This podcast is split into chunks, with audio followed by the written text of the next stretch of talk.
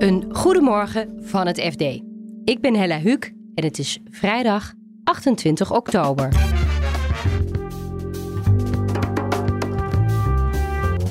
Verzekeraar ASR zag het vet op de botten verdwijnen, maar vond een oplossing. Er doemde een probleem op en dat is dat er niet meer genoeg kleine verzekeraars overblijven om over te nemen. En uh, daarom hebben ze een grote overgenomen. En om het klimaat te redden moet er wat veranderen in de financiële wereld financiële sector die, die begrijpt wel dat duurzaamheid heel erg belangrijk is en die willen daar ook wel in investeren. Maar als het puntje bij het paaltje komt, dan blijkt dat investeren in bijvoorbeeld in waterstof echt nog heel risicovol is en dat je niet gelijk het rendement uh, ziet. Dit is de dagkoers van het FD. ASR neemt voor bijna 5 miljard euro de Nederlandse tak van Egon over. Daarmee wordt ASR een van de grootste verzekeraars van Nederland. Redacteur zakelijke dienstverlening Edwin van der Schoot vertelt waarom ASR deze grote overname doet. Ja, voor ASR is dit uh, heel logisch eigenlijk. ASR is een, uh, een verzekeraar die alleen actief is in Nederland. Uh, en ook niet over de grens actief wil zijn. En de topman Jos Baten heeft ook nog wel wat littekens overgehouden aan het verleden. Toen ASR natuurlijk onderdeel was van het Fortis-concern. We weten allemaal hoe dat is afgelopen. Dus ASR is alleen actief in Nederland en heeft zich in Nederland eigenlijk een soort van strategie aangemeten om uh, een soort consolidator te zijn. Allemaal kleine verzekeraars opkopen. En dan uh, met name alle oude levensverzekeringen.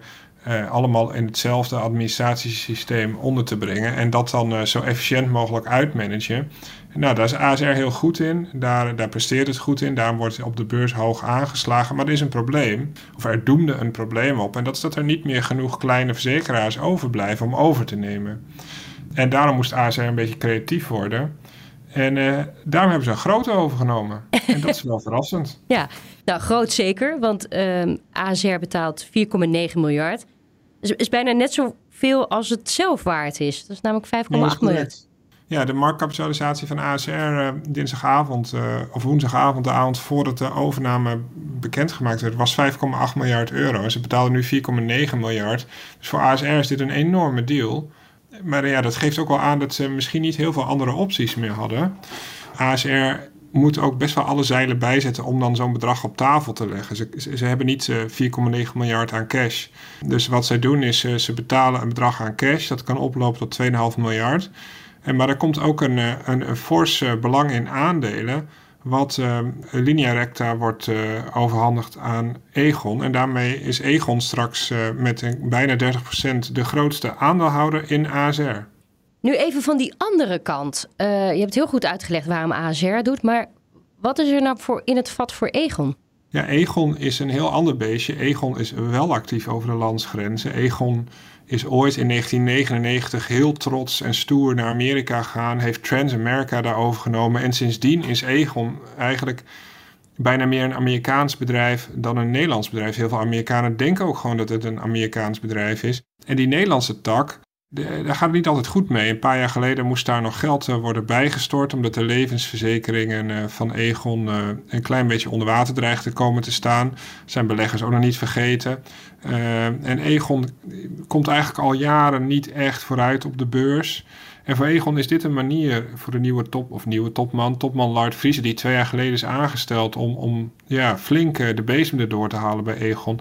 Is dit een manier om versneld eh, een goede eh, prijs voor hun Nederlandse uh, dochterbedrijf naar voren te halen. Anders had Friese misschien nog wel uh, twee, drie, vier jaar moeten gaan kosten snijden, saneren en andere dingen moeten doen met dat dochterbedrijf. En nu krijgt hij, hij geeft het eigenlijk aan ASR en hij krijgt dan een 30% belang in, in een fusiebedrijf wat door ASR gemanaged gaat worden. En ASR heeft nou net in het verleden aangetoond dat ze dat heel goed kunnen. Dus Egon kan gewoon de hand op gaan houden de komende paar jaar. En die krijgen daar gewoon een, een, eh, een mooie dividendstroom uit waarschijnlijk.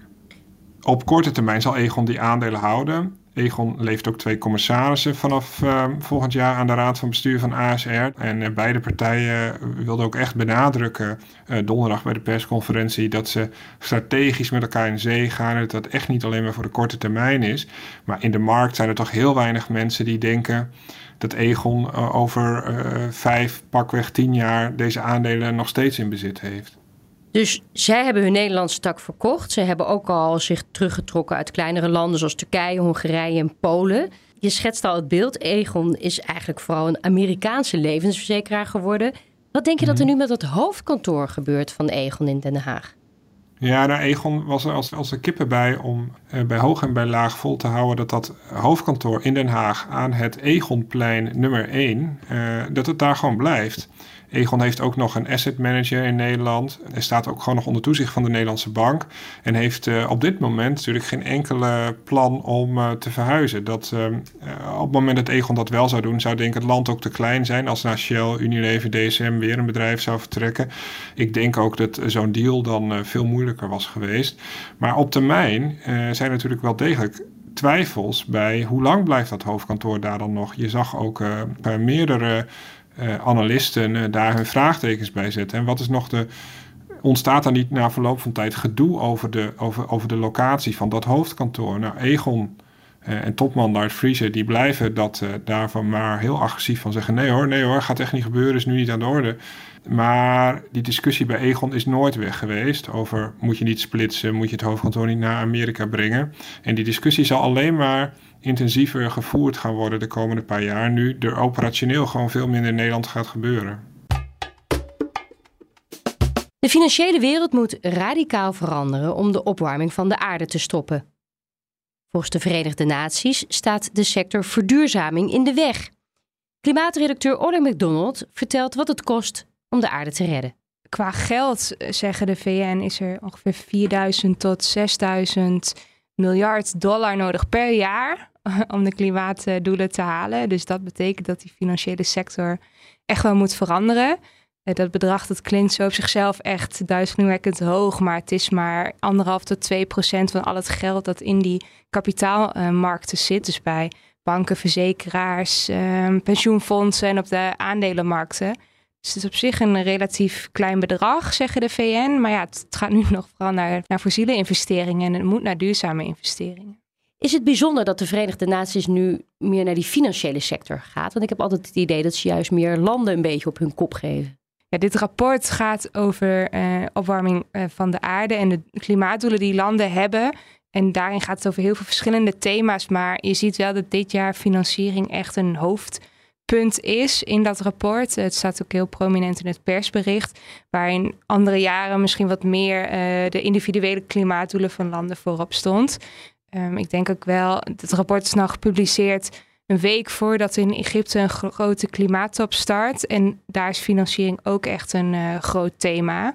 Hoeveel krijgen ontwikkelingslanden? eh, hoeveel gaan private investeerders bijdragen aan ehm, het tegengaan van klimaatverandering? Dus je, je ziet wel dat geld steeds meer een issue eh, wordt.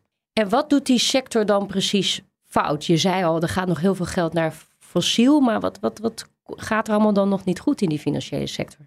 Ze zijn vooral heel voorzichtig. Dat is eigenlijk wel de centrale boodschap die je uit dat VN-rapport haalt. De financiële sector die, die begrijpt wel dat duurzaamheid heel erg belangrijk is. En die willen daar ook wel in investeren. Maar als het puntje bij het paaltje komt, dan eh, maken ze toch een eh, risico-rendementsafweging. En dan blijkt dat investeren in bijvoorbeeld in waterstof echt nog heel risicovol is. En dat je niet gelijk het rendement eh, ziet. En dan Ehm, ja, dan zeggen die investeerders ja, ja, maar hè, we, we moeten ook de pensioenen betalen bijvoorbeeld. En dan kiezen ze toch voor een fossiele investering. En nou is het in Nederland zo dat ABP heeft dan gezegd dat ze wel uit fossiele investeringen wil stappen. Maar dit rapport moet je natuurlijk wel breder zien. Het gaat over eh, de hele wereld. Dus eh, ja, dat gaat niet alleen over Nederland. Maar ze pleiten eigenlijk voor een radicaal ander systeem. Ja, ehm, dus een andere houding van eh, de financiële sector. En je kunt ook wel denken aan bepaalde instrumenten, zoals het opleggen van een CO2-belasting. Eh, als bijvoorbeeld overheden zo'n CO2-belasting invoeren, dan eh, worden projecten eh, waar veel CO2 mee uitgestoten wordt automatisch eh, wat duurder. Dus minder aantrekkelijk voor de financiële sector. Daarmee duw je ze eigenlijk die duurzame kant op. Maar dat doen we in Europa al een beetje. Zijn we al lekker bezig? Ja, nou op zich, Europa heeft al best wel lang zo'n eh, CO2-beprijzingssysteem eh, voor de zware industrie. De, de prijs was daar altijd best wel laag, rond de 15 euro per ton eh, CO2 moesten die uitstoters betalen. Maar sinds eh, een jaar of twee ligt die prijs rond de 70 euro. Dus dan begint het wel echt te werken. Want er zijn wel onderzoeken die zeggen, ja, je moet toch wel minimaal 75 tot 100 euro of zo per ton CO2 betalen. Wil je echt een omslag kunnen maken naar duurzame investeringen. Ja, en de EU kan het ook natuurlijk niet alleen. Andere landen moeten dat ook doen. Anders kunnen industrieën ook wel heel makkelijk naar landen buiten Europa gaan om zich daar te vestigen. Jij gaat dadelijk naar Egypte, je bent bij die top. De VN geeft nu ook al een aftrap hoe we ervoor staan met die klimaatdoelen. Hoe staan we ervoor? Mm, ja, niet best. Eh, in de zin van, als je nu alle doelen van alle landen ter wereld bij elkaar optelt, dan zou de aarde deze eeuw ongeveer tot 2,6 graden opwarmen. Ja, en landen hebben met elkaar afgesproken dat de aarde eigenlijk maximaal 2 graden op mag warmen, het liefst anderhalf. En dat zijn graden die niet voor niks zo zijn gezet. Dat is echt wel een grens waarop we het eh, met z'n allen leefbaar houden hier. Dus 2,6 is, in dat opzicht echt te veel. Daar moet echt een tandje bij.